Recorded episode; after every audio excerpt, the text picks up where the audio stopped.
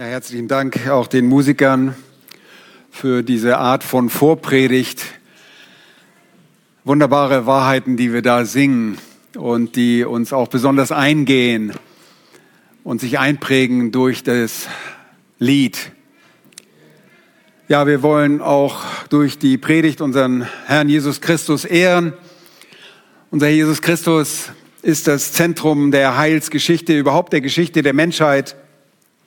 Und er ist nicht nur als das Lamm Gottes, das makellose Opferlamm, stellvertretend für deine und meine Sünde, wenn wir an ihn glauben, gestorben, sondern er ist auch derjenige, der seinen eigenen Leib, seine eigene Gemeinde baut, die Versammlung der Gläubigen zu einem geistlichen Tempel. Nun, der Tempel in Jerusalem, der steht nicht mehr. Und so ist Christus selbst zu unserer Behausung geworden im Geist. Individuell, aber auch kollektiv sind wir der Tempel des lebendigen Gottes.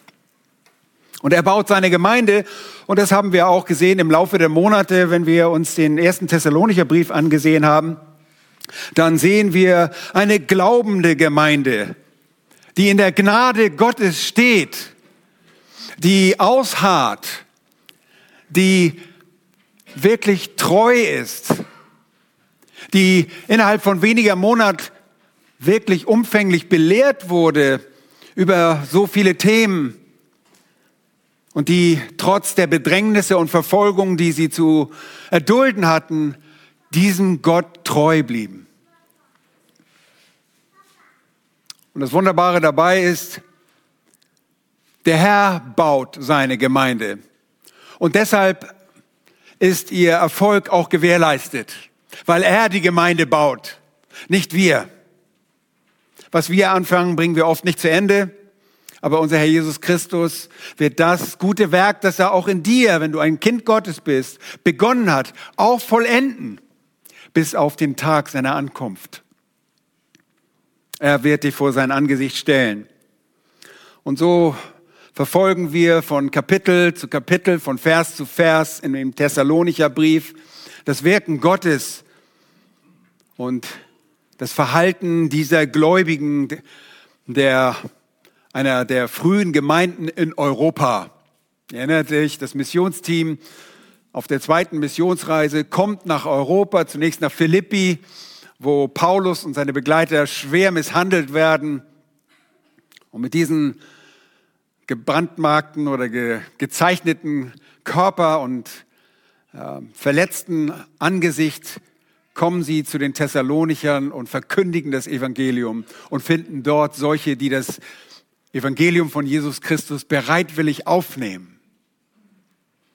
Und die Thessalonicher, die vornehmlich aus den Heiden stammen, aber es gab auch Juden unter ihnen, sie wandten sich ab von den Götzen und wendeten sich zu Gott, der sie erlöst hatte, zu dem lebendigen und wahren Gott.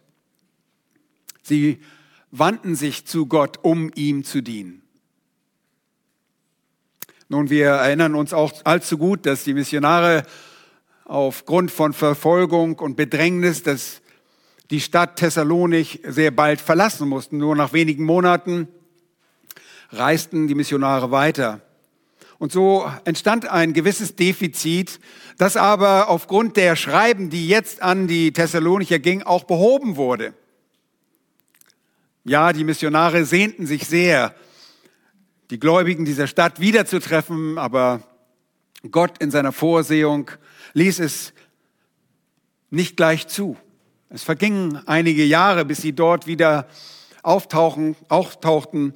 Und so ging es zwischen ihnen mit einem Schriftverkehr hin und her, beziehungsweise sandte Paulus, der Apostel, seinen geliebten Sohn im Glauben, den Timotheus, einen jungen Mann, zur Ermutigung zu den Thessalonichern, um diese Thessalonicher in ihrem Glauben zu stärken. Und dort, während er die Thessalonicher besucht und Paulus von Athen nach Korinth weiterreist, erlebt Timotheus Ermutigung für seinen eigenen Glauben und wird gestärkt durch den Glauben der Thessalonicher. Selbst die Missionare werden gestärkt, nachdem Timotheus zurückkehrt zu Paulus und ihm berichtet, wie wunderbar die Thessalonicher im Glauben standhaft sind, wie ihr Glaube aktiv geworden ist, wie ihre Liebe zum Ausdruck kommt. Und dennoch gab es in dieser Gemeinde wie in jeder Gemeinde auch Probleme und es gab Fragen. Und so gab es ein, eine Fraktion von Leuten, die sich mit der Engzeit beschäftigten. Und das ist etwas, äh, was wir sehr gerne tun. Menschen sind neugierig. Was wird passieren? Was ist das nächste in der Weltgeschichte? Was passieren wird? Und wir haben was erfahren? Wir warten auf den nicht Tag des Herrn, auf die Entrückung. Wir warten, dass Gott uns herausholt aus dieser Welt. Wir warten nicht auf irgendwelche Zeichen, die das nächste heilsgeschichtliche Ereignis einläuten, sondern wir warten, dass der Herr Jesus uns aus dieser Welt herausreißt. Und wir fragen uns, wenn Jesus doch diese Gemeinde baut, warum gibt es so viel Elend, warum gibt es so viel Not und Leid und Bosheit? Ich musste vorhin während des Vorprogramms daran denken an das, was Salomo schreibt in Prediger Kapitel 8 und Vers 11. Da heißt es, weil der Richterspruch über die böse Tat nicht rasch vollzogen wird, darum ist das Herz der Menschenkinder davon erfüllt, Böses zu tun. Nun, es kommt nicht augenblickliches Gericht. Menschen sind in ihrer Bosheit frei und sie denken, sie kommen davon. Sie handeln boshaft und es gibt keine Konsequenzen, zunächst keine angemessenen Konsequenzen. Aber diese Konsequenzen, diese Folgen der Sünde, die wird es eines Tages geben im Gericht. Und wir haben beim letzten Mal uns beschäftigt mit den Versen 1 und 2 im Kapitel 5, und zwar mit einem ganz bestimmten Begriff, der Tag Jahwes, der Tag des Herrn. Und dieser Tag ist ein Tag, an dem Gott seinen Zorn gegen Gottlosigkeit ausgießen wird. Er wird die Menschen nicht nur strafen, er wird die Erde säubern. Wir haben schon in der Schriftlösung von Säuberung und Reinigung gehört. Aber Gott wird diese Erde durch den Tag des Herrn in unterschiedlichen Phasen des Tag des Herrn. Der Tag des Herrn ist eine undefinierte lange Zeit des Ausgießen des Zornes Gottes. Er ist eingegrenzt, aber er ist dennoch undefiniert lang. Und der Tag des Herrn, so haben wir beim letzten Mal gelernt, gilt immer nur dem Gericht. Er bedeutet immer Gericht. Gericht über die Gottlosen. Und im Alten Testament haben wir den Zorn Gottes gesehen, wie er in historischen Ereignissen sich ausdrückte. Jetzt ist der Tag des Herrn mit seinen zwei verbleibenden Aspekten ebenso Gericht über die gottlosen Juden als auch die Nation, die Gottlosen aus den Heiden. Und der Zweck ist Vergeltung, ist ein Tag der Rache, aber auch der Säuberung. Es wird eine Zeit kommen, und ich gehe gleich noch etwas näher darauf ein, die wird genannt die Zeit, die Drangsal Jakobs, eine Trübsalzeit, eine Zeit der Bedrängung, speziell für das ungläubige Israel. Denn das Volk, das Volk, das seinen Erlöser ans Kreuz gebracht hat, wird eines Tages gerichtet werden. Es wird gereinigt es wird gesäubert werden. Und am Ende dieser Drangsalzeit wird dann dieser neue Bund mit Israel geschlossen werden. Sie werden ihn erkennen. Sie werden erkennen, dass er ihr Erlöser ist. Zuvor werden alle ungläubigen Israeliten herausgefiltert, herausgereinigt und vernichtet. Nicht im Sinne der Annihilation, nicht der Auslöschung, sondern im Sinne des ewigen Gerichts. Ebenso die gottlosen Nationen. Auch aus den Heiden werden Menschen getötet werden, vernichtet werden am Tag des Herrn, den Ausgießen des Zornes Gottes. Das haben wir versucht beim letzten Mal einleitend zu betrachten. Wir haben nicht umfänglich über diesen Tag des Herrn gesprochen. Der zweite Aspekt des Tages des Herrn wird dann nach dem Friedensreich sein, das nach der ersten Reinigung auf dieser Erde sein wird. Nämlich es gibt ein Friedensreich und in dieses Friedensreich werden nur Gläubige einziehen. Es werden entweder Verherrlichte, so wie wir mit verherrlichten Leibern, und Gläubige aus den Juden, aus den Juden also Israeliten und auch den Nationen in dieses Reich gehen und es erben. Wir sind Erben dieses Reiches als Gläubige. Wir werden selbst dort sein, um mit Jesus Christus über tausend Jahre zu herrschen. Offenbarung Kapitel 20 macht es sehr deutlich.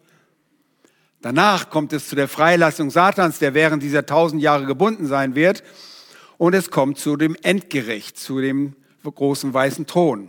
Denn während der tausend Jahre werden Kinder geboren, die nicht automatisch gläubig sind und sich zum Ende nach der Friedenszeit, nach diesen tausend Jahren mit Satan vereinigen werden, um gegen Gott zu rebellieren und die Stadt des Erlösers anzugreifen. Aber Gott macht ein Ende mit ihnen. Und so kommt es zum Gericht, zu dem großen weißen Thron. Und der letzte Aspekt des Tag des Herrn bricht an, indem Gott alles vernichtet. Diese Erde, wie wir sie kennen, wie ich beim letzten Mal sagte, diese Erde, wie wir sie jetzt kennen, wird vollständig verbrennen und neu gemacht. Es wird eine neue Erde und einen neuen Himmel, wird neue Himmel geben. Nun, all diese Dinge waren den Thessalonichern bekannt und sie beschäftigten sich damit, weil die Zeit der Bedrängnis, die sie erlebten, veranlasste vielleicht einige davon, sich mit dem Thema zu beschäftigen. Hatten sie vielleicht die Entrückung verpasst? Ihr erinnert euch daran, in der Entrückung ging es darum, dass sie sich Sorgen machte, was war mit den Toten in Christus? Was war mit denen, die bereits vor der Ankunft entschlafen sind? Nun, das wurde geklärt in den Kapitel 4, die Verse 13 bis 18. Jetzt in Kapitel 5 beschäftigten sie sich mit Zeitpunkten, mit Ereignissen und mit Zeiten. Wann wird was geschehen? Die einfache Antwort war, und das wussten sie genau, da steht das Wort genau akribos oder wird akribisch von abgeleitet. Sie wussten äußerst, äußerst genau, dass der Tag des Herrn, das Ausgießen des Zornes Gottes, kommen wird wie ein Dieb in der Nacht. Und ein Dieb, der in der Nacht kommt, der gibt keine Zeitangaben vor. Er sagt nicht, äh, Leute, um drei Uhr werde ich bei euch nachts einbrechen. Nein, dieser Tag wird überraschend sein. Ich lese uns, bevor wir dies, diesen Text lesen, lasst mich noch beten, dass Gott uns in dieser Predigt Erkenntnis darüber gibt, was uns widerfahren wird und was uns nicht widerfahren wird. Herr, wir danken dir für dein Wort, das deutlich ist. Du hast alles deutlich kommuniziert. Wir sind nur manchmal ein bisschen begriffsstutzig und langsam zum Lernen. Danke, dass du der beste Kommunikator bist, dass du deutlich gesprochen hast. Vergib uns, dass wir manchmal zu faul sind, gründlich zu lesen und zu studieren, aber du hast dich deutlich ausgedrückt. Und so bitte ich dich, dass du Kraft deines Geistes uns dein Wort lehrst über die Dinge, die kommen werden, auch wenn wir nicht Zeitpunkte und Datierungsversuche unternehmen können. Herr, du hast Dinge deutlich gesagt. Hilf uns, diese Dinge auch zu verstehen und die Konsequenzen für unser eigenes Leben daraus zu ziehen und dir die Ehre zu geben. Hilf uns um deines Namens willen. Amen. Ich lese 1. Thessalonicher 5, die Verse 1 bis 5. Der Predigtext ist, die, sind die Verse 3 bis 5. 1. Thessalonicher 5. Von den Zeiten und Zeitpunkten aber braucht man euch Brüdern nicht zu schreiben, denn ihr wisst ja genau, dass der Tag des Herrn so kommen wird wie ein Dieb in der Nacht. Wenn sie nämlich sagen werden, Friede und Sicherheit, dann wird sie das Verderben plötzlich überfallen. Wie die Wehen eine schwangere Frau und sie werden nicht entfliehen. Vers 4. Ihr aber, Brüder, seid nicht in der Finsternis, dass euch der Tag wie ein Dieb überfallen könnte. Ihr alle seid Söhne des Lichts und Söhne des Tages. Wir gehören nicht der Nacht an, noch der Finsternis. Soweit der Predigtext für heute Nachmittag. Ich habe das überschrieben, der Tag des Herrn. Wir gehören zu einem anderen Tag. Und wie ich euch sagte, geht aus den, nicht nur aus den ersten beiden Versen hervor, dass die Thessalonicher bereits über den Tag des Herrn informiert und unterrichtet waren. Im zweiten Thessalonicher Brief bleibt die Endzeit weiterhin ein Thema und dort sagt Paulus eindeutig in Hinsicht auf Verwehrungsversuche zu diesem Thema, angeblich kam ein Brief von diesen Missionaren, da heißt es in Kapitel 2, äh, Vers 5 im zweiten Brief, denkt ihr nicht mal daran, dass ich euch dies sagte, als ich noch bei euch war? Sie waren bereits unterrichtet, sie waren belehrt und sie hatten es nicht nötig, genauer darüber unterrichtet zu werden. Nun, einige von uns brauchen diese Belehrung ein wenig mehr, denn wir sind vielleicht noch nicht darin unterrichtet worden und das wollen wir auch in den kommenden Abschnitten dann sehen. Aber Paulus sagte, sie hatten es nicht nötig, sie mussten an andere Dinge erinnert werden. Hätten sich die Thessalonicher an die mündliche Belehrung des Paulus und Silvanus und Timotheus erinnert, dann hätten verwirrende Einflüsse leicht beseitigt werden können. Paulus war sich sicher, dass sie ausreichende Kenntnis in Bezug auf den Tag des Herrn hatten, weil er diese Information ihnen persönlich gegeben hatte. Nun, ihr Lieben, das gehört zur Verkündigung des Evangeliums. Das Problem ist, wir verkürzen das Evangelium oft zu vier Punkten und wollen schnell fertig werden. Und bei jeder Begegnung versuchen wir Menschen das Wort Gottes in den Rachen zu stopfen und müssen, denken, sie müssen sich bekehren. Ihr Lieben, lasst uns lernen, in Etappen das Evangelium zu verkündigen. Wenn die Zeit gegeben ist, das wissen wir natürlich nicht, aber nehmt euch Zeit zu dem Verständnis, wir können nicht in ein Vakuum äh, erklären, Jesus ist für dich gestorben. Dann sagt der Zuhörer zu, der arme Kerl, warum ist er für mich gestorben? Hätte man noch am Leben bleiben sollen, dann würde er heute noch leben. Nein, wir müssen erklären die Umstände, wir müssen den Gott erklären, wir müssen weiter ausholen. Wenn wir manchmal Verständnisschwierigkeiten haben, wie viel mehr solche, die nicht im Christentum unterrichtet worden sind. Wir sind geistliche äh, Analphabeten in Bezug auf das Christentum und die Bibel in, äh, in dem Land der Reformation. Paulus war sich wirklich sicher, dass sie ausreichende Kenntnis hatten. Auffällig ist hier der Singular in der Person ich. Wenn ihr in den Text hineinschaut, dann fällt es auf, ähm, dass er gesagt hat, dass sie unterrichtet sind. Und das ist auch, was der Vers 2 meint, wenn er schreibt, denn ihr wisst genau, dass der Tag des Herrn so kommen wird wie ein Dieb in der Nacht. Der Tag des Herrn kommt unerwartet. Das habe ich letztes Mal bewusst nicht so weiter aus, ausgebaut, weil es jetzt in diesem Abschnitt ein Schwerpunkt ist. Er kommt wie ein in der Nacht einbrechender Dieb er wird nicht erwartet und deshalb legt man sich unbekümmert schlafen. Man erwartet keinen Dieb, aber er kommt dennoch, und zwar unerwartet. Um den Gedanken des unerwarteten Eintreffens genauer zu beschreiben, erklären die Autoren an dieser Stelle Dinge, die für sie, für sie verständnisvoll waren und klar waren, wir brauchen jetzt ein paar Erklärungen dazu und hoffentlich seid ihr hinterher schlauer als vorher.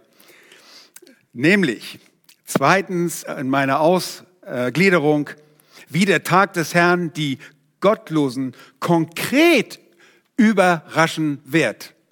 Das wissen wir aus der Schrift.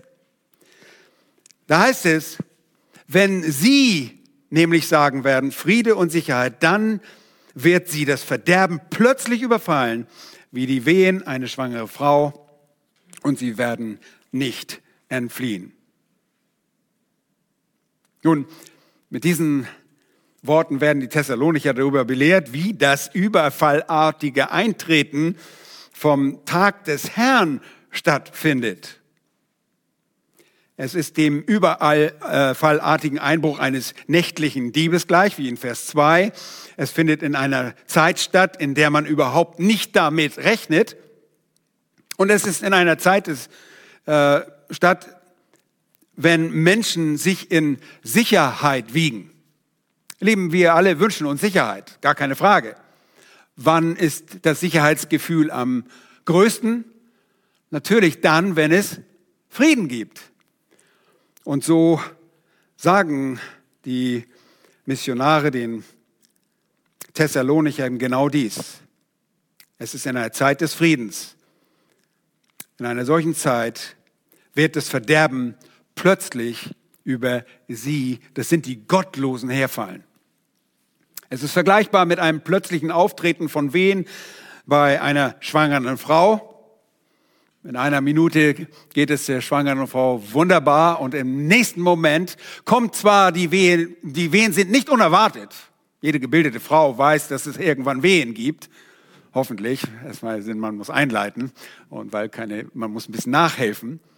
Aber irgendwann werden Wehen kommen und in dem Fall ist es dennoch plötzlich. Sehr plötzlich. Oh, am Morgen habe ich noch das Geschirr gewaschen und auf einmal, ja, das hört man immer wieder. Nun, Jesus auch, benutzt auch diesen Vergleich von Wehen in seiner Ölbergrede. Das ist einfach ein sehr treffendes und anschauliche Analogie und so passend, denn die Realität vom Auftreten von Wehen bei einer Frau in Vorbereitung auf eine Geburt als Illustration zu nutzen, ist einfach ein allzu gutes Mittel, es ist ein universell verständliches Anschauungsmaterial. Schwangere Frauen und ihre Erfahrungen von schmerzhaften Wehen sind seit Anbeginn der Menschheit eine immer präsente, äh, präsentes Phänomen. Jeder kennt es. In jeder Zeit. Egal wie weit der technische Fortschritt ist, wir kennen es. Und schmerzhafte Wehen sind die Folge des Sündenfalls und das Auftreten von Wehen ist zwar ein, wirklich eine nicht unerwartete Sache, aber in diesem Fall das Einsetzen immer doch dennoch plötzlich. Aber mehr muss ich dazu nicht sagen. Ähm, wir müssen an dieser Stelle nur den Vergleichspunkt finden. Äh, ich kann jetzt auch einen Vortrag über die Schwangerschaft halten, aber das bringt überhaupt nichts, hat nichts damit zu tun. Wir wollen nur den Vergleichspunkt finden und dürfen jetzt nicht jedes Detail einer Schwangerschaft mit Wehen und welche Art von Wehen es gibt äh, erklären. Hier geht es um das plötzliche Auftreten dieser, äh, dieser Wehen in einer Schwangerschaft. Und das war jedem, sogar Männern bekannt. Aber warum ist der Tag des Herrn wie ein unerwarteter Nachthieb? Warum kommt der Tag des Herrn wie ein überfallartige Wehe, Wehen zum Ende, vielleicht zum Ende einer Schwangerschaft ich habe mir sagen lassen, ich weiß nicht, ich habe das noch nicht so erlebt, aber dass die, äh, die, es gibt Wehen, die man gar nicht merkt, aber die die Muskeln vorbereiten für, für die letztendlichen Austreibewehen oder zum Austreiben, ähm, Senkwehen oder wie das auch genannt wird. Äh, warum ist das so? Nun, es ist so, weil die Menschen, die der Tag des Herrn überfallen wird, nicht vorbereitet sind. Sie sind nicht in der Erwartung des Verderbens, denn die Umstände suggerieren etwas anderes. Die Zeit wird eine scheinbare Sicherheit vermitteln, denn es wird Frieden herrschen. Die Zeit ist nicht nur für die Gottlosen gefährlich, sondern selbst für die Erwählten Gottes, die in jener Zeit aufgrund der Gnade Gottes noch zum Glauben kommen werden, müssen auch auf der Hut sein. Jesus sagte zu seinen Jüngern während der Ölbergrede in Markus 13, Vers 5 und 6, habt Acht, dass euch niemand verführt. Denn viele werden unter meinem Namen kommen und sagen, ich bin es und werden viele verführen. Und dann in Vers 9a heißt es nochmals, ihr aber habt Acht auf euch selbst. Und in den Versen 22 und 23 heißt es, denn es werden falsche Christusse und falsche Propheten auftreten und werden Zeichen und Wunder tun, um, wenn möglich, auch die Erwählten zu verführen. Das ist nicht möglich. Wenn es möglich wäre, dann würden sie das tun. Ihr aber habt Acht, siehe, ich habe euch alles vorhergesagt. Es ist nichts, was Jesus Christus selbst ausgelassen hat in Bezug auf die Warnungen, die ausgesprochen werden mussten. Jesus warnt seine Jünger und Warnungen sind grundsätzlich sehr wichtig. Ich weiß, dass wir manchmal eine Tendenz haben, Warnungen ein bisschen zu ignorieren. Es kommt immer auf die Umstände an, welches Warnschild es ist. An einem Elektro-Hochspannungswerk äh, würdet ihr kaum eure Finger an einen Transformator legen, wenn dort ein Totenkopf-Warnschild ist, oder? Ich fürchte, das würdet ihr nicht machen. Wer schon mal das Kribbeln eines Kuhweidezauns erlebt hat, der, naja, ist nicht so ganz so schlimm, aber zuckt auch ganz ordentlich. Diese Schilder kann man manchmal einfach ignorieren. Aber Gottes Warnungen sind immer ernst zu nehmen. Immer, in jedem Fall. Wir alle dürfen Warnungen niemals unterschätzen. Jesus ist das Aussprechen der Warnung offenbar besonders wichtig. Warum? Weil die Menschen sich in der Zeit, von der Jesus spricht, auch sicher fühlen werden. Es kommt eine Zeit, und das ist die Zeit der Drangsal, in der es Frieden geben wird. Aber bevor ich dahin komme, achtet mal auf die Personalpronomen. Das sind die persönlichen Fürworter, die hier angesprochen werden. Da heißt es sie. Das sind die Menschen, in dem Text seht ihr diesen Wechsel auf einmal. Er spricht von, wenn sie nämlich sagen werden. Die anderen werden sagen. Sie werden, wir werden das nicht sagen. Die Propheten Gottes werden das nicht sagen. Wenn sie es sagen werden, Friede und Sicherheit, dann wird sie das Verderben plötzlich überfallen wie die Wehen eine schwangere Frau und sie werden nicht entfliehen. Und dann achtet auf den nächsten Vers, wir aber, der Kontrast ist sehr wichtig. Diese sie sind Gottlose und die Gottlosen sind es, die in dieser Zeit Friede und Sicherheit sagen. Sie, das sind nicht die Brüder, das sind die falschen Propheten, das sind die anderen, das sind die Lügengeister religiöser Menschen, das sind letztlich alle Gottlosen, die sich von diesen äh, Eindrücken beeinflussen lassen. Umstände werden zu einem sich sicher fühlen führen. Und dieses Sicherfühlen wird zu einem sich zu sicher fühlen führen. Es wird ein anfängliches Kennzeichen der Zeit sein, in der die Wehen der Endzeit beginnen. Wir haben noch gar keine Endzeitwehen erlebt. Wenn ihr denkt, Corona war es. Leute, wir sind weit davon entfernt. Hier beginnen die, die Wehen der Endzeit. Im Vergleich zu den übrigen Verführungen anderer Zeiten wird diese Zeit sehr viel größere Verfahren mit sich bringen. Und dieser Friede wird größere Auswirkungen haben als andere Ruhezeiten in der Menschheitsgeschichte zuvor.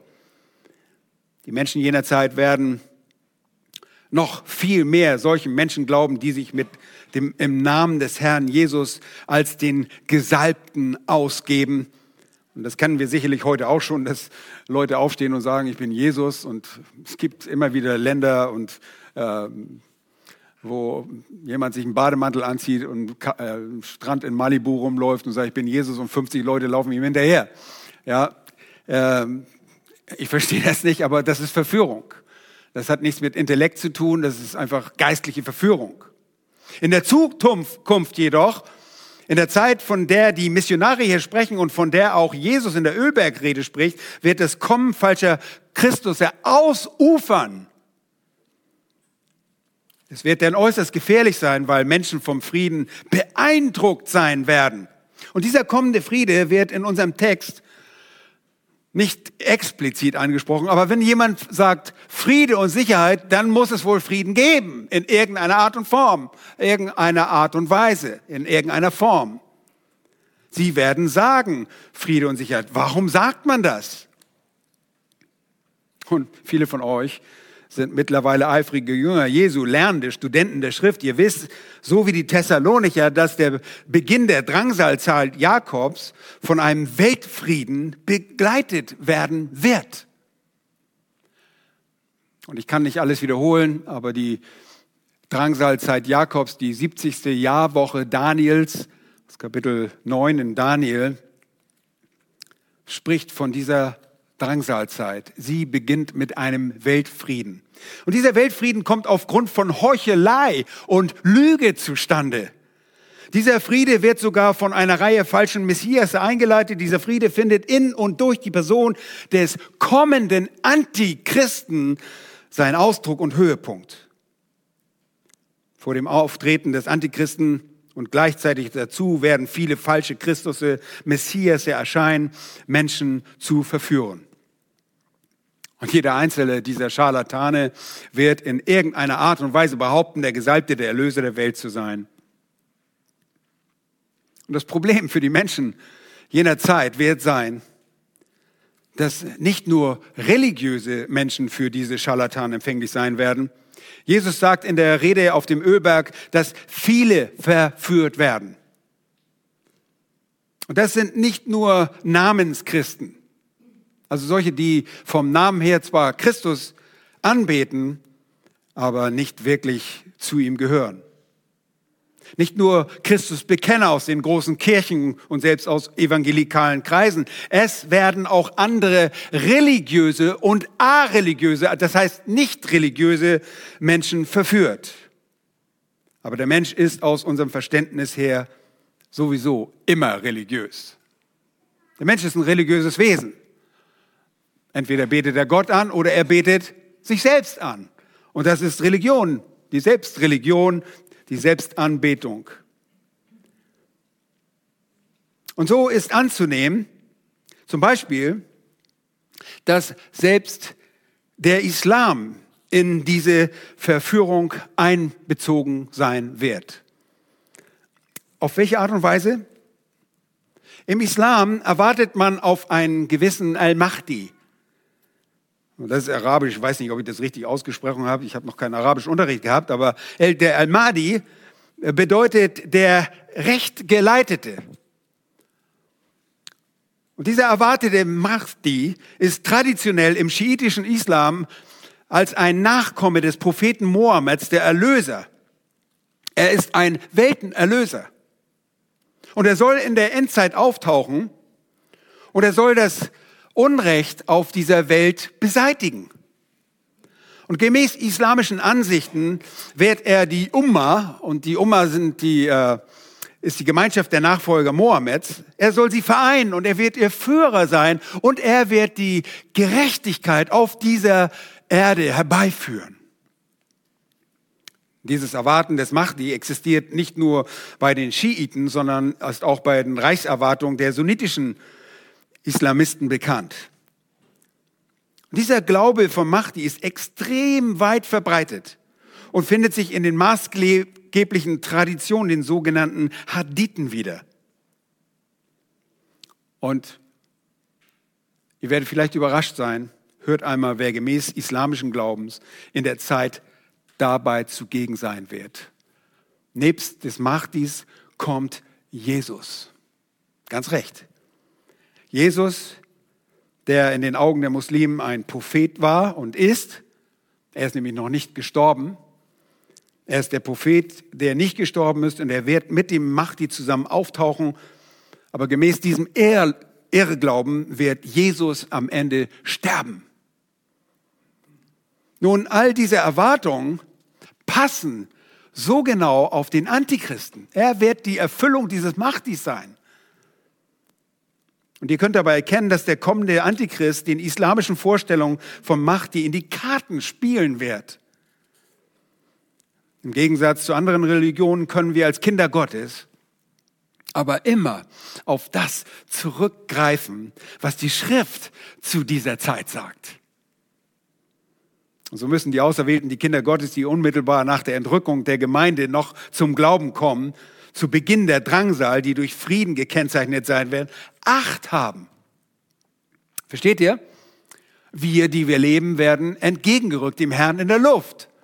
Aber danach, wenn die Gemeinde Gottes weg ist, ist Gott immer noch der gnädige Gott und er wird immer noch retten.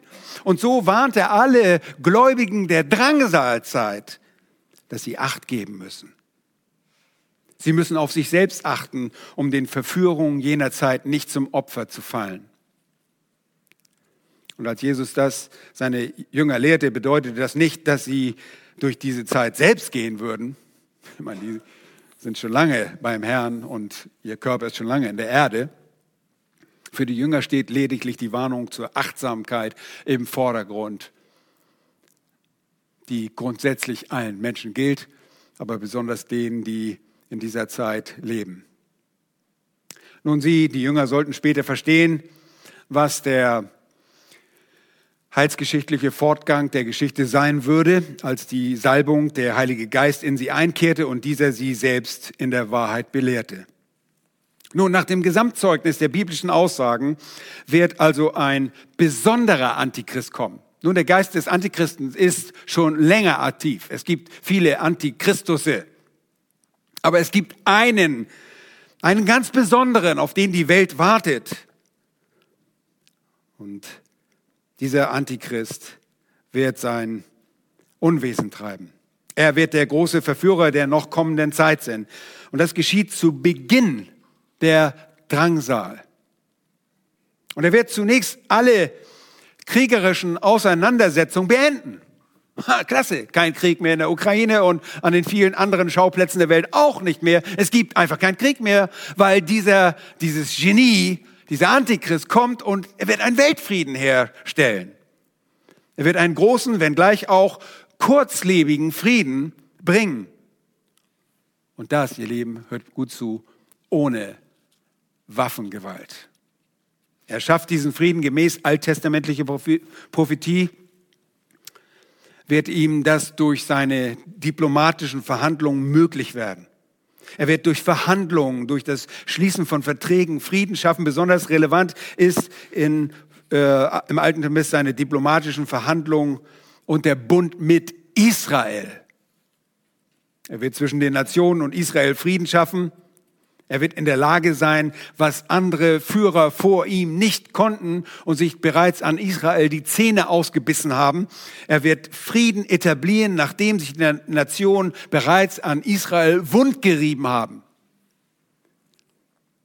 Und von diesem anfänglichen Weltfrieden schreibt der Apostel Johannes noch deutlicher, weil der Herr ihm dann später in den Jahren 90, Mitte der 90er Jahre in der Offenbarung ein paar Details aufzeigt. Bitte öffnet eure Bibeln dazu, damit wir konkret sehen, was es bedeutet, wenn sie, die Gottlosen, sagen werden, Friede und Sicherheit. Und in der Offenbarung Kapitel 6 finden wir das Gerichtssiegel, die Gerichtssiegel, die ersten Siegel dort, die Gericht bedeuten. Und es beginnt dort das Gericht, das über diese Welt einhergehen wird. Nun, der Tag des Herrn wird sich nicht gleich zu Beginn zeigen, sondern er wird, deshalb habe ich beim letzten Mal gesagt, er ist nicht absolut identisch mit der Drangsalzeit, wenngleich wir das manchmal gleich setzen, aber äh, dann in einer eher unpräziseren Aussage. Aber der Tag des Herrn wird sich zum Ende dieser Drangsal über diese Erde ergießen. Die Gerichte über diese Welt erschließen sich von Kapitel 6 bis Kapitel 19. Und Kapitel 19, wie ihr wisst, kommt der Herr Jesus Christus wieder. Sie sprechen von der Zeit der Drangsal, die noch kommen wird, die 70. Jahrwoche äh, Daniels gemäß dem Propheten Daniel. Und die Details können wir natürlich jetzt nicht ansehen zu dieser Jahrwoche, nicht umfassend, aber wir werden es im Verlauf des, der Thessalonicher Exegese noch tun. Es geht uns zunächst um die Einsicht zu gewinnen, wie der Tag des Herrn die Gottlosen konkret überraschen wird. Die Prophetien der Offenbarung bezüglich der Gerichte Gottes erfüllen sich nicht in 70 nach Christus. Ihr wisst, der 70 nach Christus wird der Tempel Jerusalem zerstört. Die Prophetien des Alten Testaments sind wörtlich zu deuten, nicht allegorisch. Sie müssen nicht vergeistlicht werden. Und die Prophetien zur 70. Jahrwoche werden in den besagten Kapiteln der Offenbarung von der Zeit der Erdgeschichte nach der Entrückung der Gemeinde einfach realisiert. Dann trifft diese letzte Woche ein. Diese letzte Woche ist eine Drangsalswoche primär für das ungläubige Israel aber auch für die Nationen, die nicht glauben. Und wie haben wir gelernt? Wozu? Immer Gericht und zur Reinigung. Die Entrückung wird in diesen Kapiteln der Offenbarung nur mittelbar erwähnt, nicht äh, direkt deutlich, wie durch die Abwesenheit der Gemeinde. Ihr findet die Gemeinde nicht in diesen Kapiteln 6 bis 19, beziehungsweise 18, sie wird nicht mehr darin erwähnt, denn in Kapitel 19 sind wir dabei, äh, wenn wir zurückkommen auf dem Ölberg. Nun, in Kapitel 6 öffnet das Lamm Gottes das erste Siegel. Der Herr selbst zeigt darin dem Johannes und allen, die diese Worte studieren, die kommende Realität des Friedens. Da heißt es, Kapitel 6, Vers 1, und ich sah, wie das Lamm eines von den sieben Siegeln öffnete und ich hörte eines von den vier lebendigen Wesen, wie mit Donnerstimme sagen, komm und sieh. Und ich sah und siehe ein weißes Pferd und der darauf saß, hatte einen Bogen. Und es wurde ihm eine Krone gegeben und er zog aus als ein Sieger, um zu siegen. Nun, auffällig ist, dass diesem Bogen die Pfeile fehlen. Nun, es ist der Bogen, es ist Frieden in unserem Vers 3 von 1. Thessalonicher 5 wird dieser Friede erwähnt. Vers 1 sagt es nochmals, er sieht ein Siegel geöffnet, das ist ein Testament, das geöffnet wird, ein, ein, ein Dokument. Und dann heißt es, ich sah und ich siehe ein weißes Pferd und der darauf saß, hatte einen Bogen. Und jetzt wird ihm eine Krone gegeben und er zieht als Sieger aus, um zu siegen. Und die ersten vier Siegel des Testaments, wenn ihr so wollt, umfassen vier Pferde und entsprechend Reiter dazu. Die stehen nicht unbedingt nur für spezifische Einzelpersönlichkeiten, sondern vielmehr für Mächte und für Herrschaften. Obwohl wir bei dem ersten Reiter auch den Antichristen identifizieren können, in Vers 2. Aber obwohl der Antichrist die führende Person der Zeit sein wird, geht es dem Lamm Gottes mehr darum zu zeigen, dass die Welt dem Reiter folgt. Und die Welt wird verführt sein. Und zwar von dem Trachten nach einem falschen Frieden. Und ihr fragt jetzt vielleicht, wo ist denn da von Friede die Rede? Nun, der Reiter, schaut mal hin, wird zum Herrscher, ihm wird eine Krone gegeben, der Reiter tritt die Herrschaft an, besitzt einen kriegerischen Boden. Und das Auffällige dabei ist, dass er wohl einen Bogen besitzt, eine kriegerische Waffe der damaligen Zeit aber ohne die dazugehörigen Pfeile. Die Pfeile werden hier wahrscheinlich deshalb nicht erwähnt, weil es von einem Frieden spricht, der offenbar ohne die Gewalt von Waffen, ohne kriegerische Auseinandersetzung herbeigebracht werden wird. Der Herrscher bringt einen Frieden durch Verhandlung und seine geschickte Diplomatie zustande. Und er stimmt mit dem überein, was wir in den Prophetien des Propheten Daniel lesen. Und dort lesen wir in Kapitel 8, Vers 25 von einem anderen König, der praktisch als ein Muster für die Tage der Endzeit dient. Da ist es in Kapitel 8, Vers 25. Und hier wird von Antiochus, einem Seleukidenkönig, gesprochen. Antiochus der Vierte, der wird auch Epiphanes genannt, die Erscheinung. Er gab sich auch selbst den Namen noch Theos, Gott. Von ihm wird gesagt, er war weltpolitisch nicht von sehr großer Bedeutung. Er machte mal einen äh, kam nach Ägypten und hat dort auch Sieg davongetragen, aber für die weltpolitische Lage ist er nicht sehr wichtig, aber für die Juden ist er wichtig. Er wird durch seine Klugheit, da ist es da, in Daniel 8, Vers 25, wird ihm der Betrug geraten und er wird sich in seinem Herzen erheben und im Mitten von Frieden wird er viele verderben und sich auflehnen wider den Fürsten aller Fürsten. Aber er wird ohne Hand zerbrochen werden. Und das steht gegen, historisch gesehen in 164, ich glaube, das war das Ende von Antiochus Epiphanes, äh, in Erfüllung, historisch gesehen, aber weist auf den kommenden Antichristen hin, der auf ähnliche Weise genau so Frieden schaffen wird und den Friedensbund brechen wird. Jesus greift selbst auf diesen Mann zurück, wenn er von dem Gräuel der Verwüstung spricht, und da kommen wir noch darauf zu sprechen, wenn wir auch in 2. Thessalonicher kommen. Aber die Welt wird durch den etablierten Frieden, der dann entsteht, unheimlich beeindruckt sein. Das muss ein Genie sein. Mit Israel, diesem störrischen Volk, mit dem niemand irgendwie kooperieren kann, er wird es schaffen. Und die Welt, sie, es sind wie gesagt nicht die Brüder, die Gottlosen, die Religiösen, lassen sich aufgrund des Friedens auf den Antichristen ein. Die Welt glaubt seinen Täuschungen. Frieden bedeutet Sicherheit, Sicherheit vor Terror, Sicherheit für die Wirtschaft. Der Antichrist geht als der Herrscher aus dieser Zeit hervor. Er erhält eine Krone und wird als Sieger hervorgehen und ist damit bestimmt, um zu siegen. Und der Sieg liegt also zunächst in dem waffenlosen Machtgewinn, wird sich aber nur kurz darauf wirklich in Gewalt und kriegerischen Siege verändern. Und so wird plötzlich das Verderben kommen. Und wir lesen von der, in der Offenbarung, dass viele, viele Menschen vernichtet werden, getötet werden.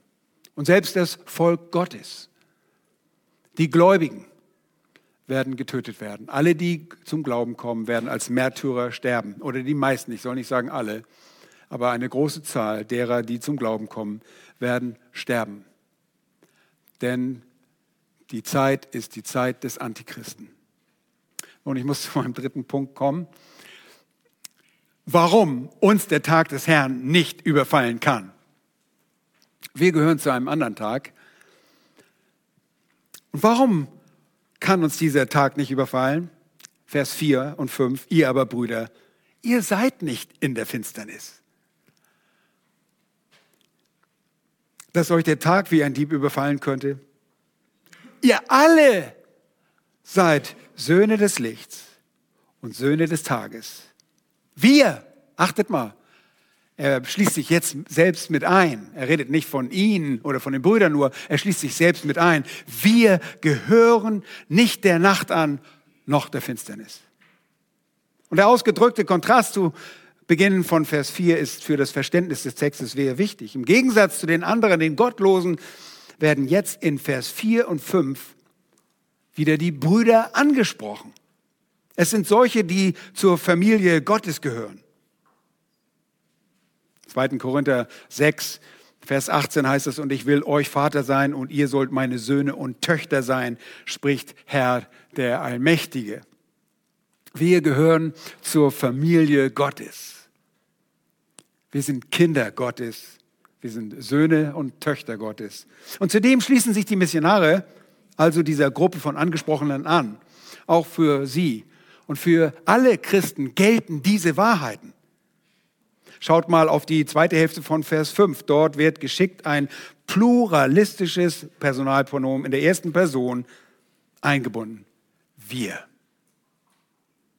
Leben, das ist unsere Freiheit, dass wir sagen, wir gehören nicht der Nacht an, noch der Finsternis. Und impliziert wird, dass die Gottlosen, all jene, die das Verderben ergreifen werden, zu der Finsternis und der Nacht gehören. Sie gehören wesensmäßig dazu. Sie werden vom Tag des Herrn überfallen, überrascht werden, denn sie sind ein Teil dieser Nacht. Sie gehören zur Nacht. Ihr aber, ihr Thessalonicher und wir, die wir mittels des Glaubens und der Gnade Gottes Kinder Gottes geworden sind, wird dieses Gericht nicht erreichen. Das Gericht konnte die Thessalonicher nicht erfassen, denn schon zuvor schrieben die Missionare in Kapitel 2, Vers 12, dass es, dass Gott es ist, der euch zu seinem Reich und zu seiner Herrlichkeit beruft. Das ist unsere Bestimmung. Er hat uns als solche, die zu seiner Familie gehören, zu seinem Reich und seiner Herrlichkeit bestimmt. Wir können nicht vom Tag des Herrn unerwartet überfallen werden, weil wir alle zu einem anderen Tag gehören. Wir sind Söhne des Lichts und des Tages. Licht gehört zum hellen Tag, Finsternis zur dunklen Nacht. Und wir sind Söhne des Lichts und des Tages. Und das steht im Gegensatz zu den Söhnen der Finsternis und der Nacht. Und der Tag in Vers 5, ihr Lieben, er bezieht sich nicht auf den eschatologischen, den endzeitlichen Tag des Herrn. Der Tag wird dort vielmehr bildlich im Zusammenhang mit geistlichem Licht verwendet. Vers 5, ihr Lieben, garantiert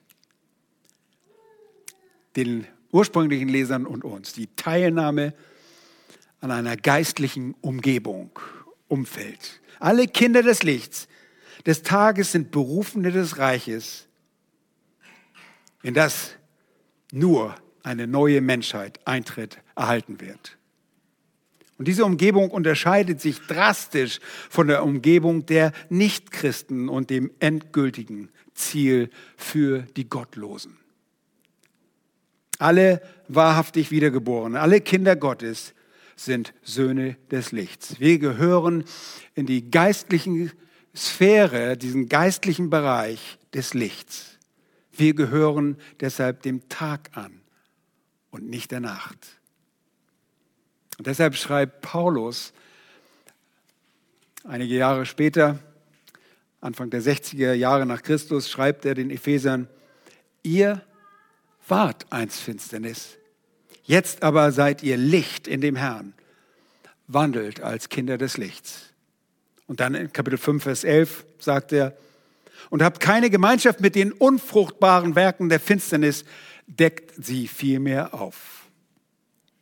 Nun, ihr Lieben, wir wandeln im Licht und sind sogar das Licht der Welt, denn Christus hat uns erleuchtet. Wisst ihr, als Jesus Christus in die Welt kam, war er das Licht der Welt.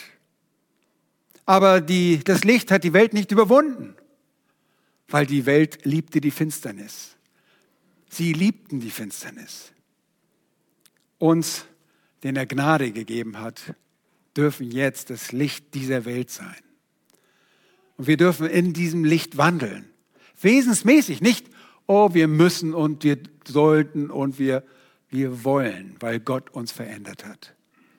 Er, der lebendige Gott, hat uns aus dem Reich der Finsternis in das Reich seines lieben Sohnes versetzt, schreibt Paulus. Und das ist unsere Freude. Deshalb kann uns dieser Tag niemals erreichen, das Gericht dieses Tages.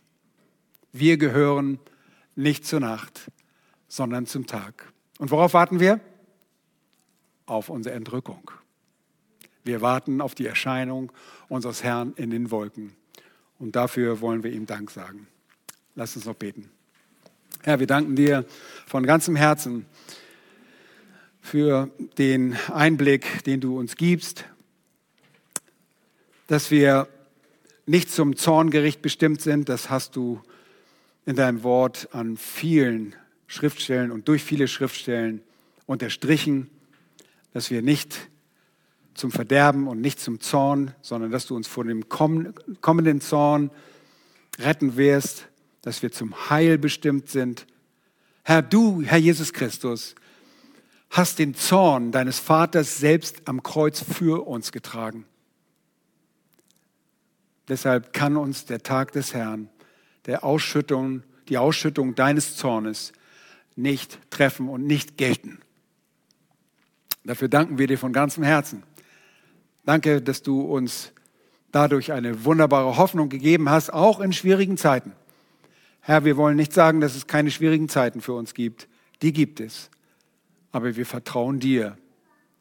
Und unser Vertrauen wird nicht zugrunde gehen, wenn wir eng an dir bleiben. Das wünschen wir uns und dafür beten wir, dass wir dir treu in allem folgen, um deines Namens willen.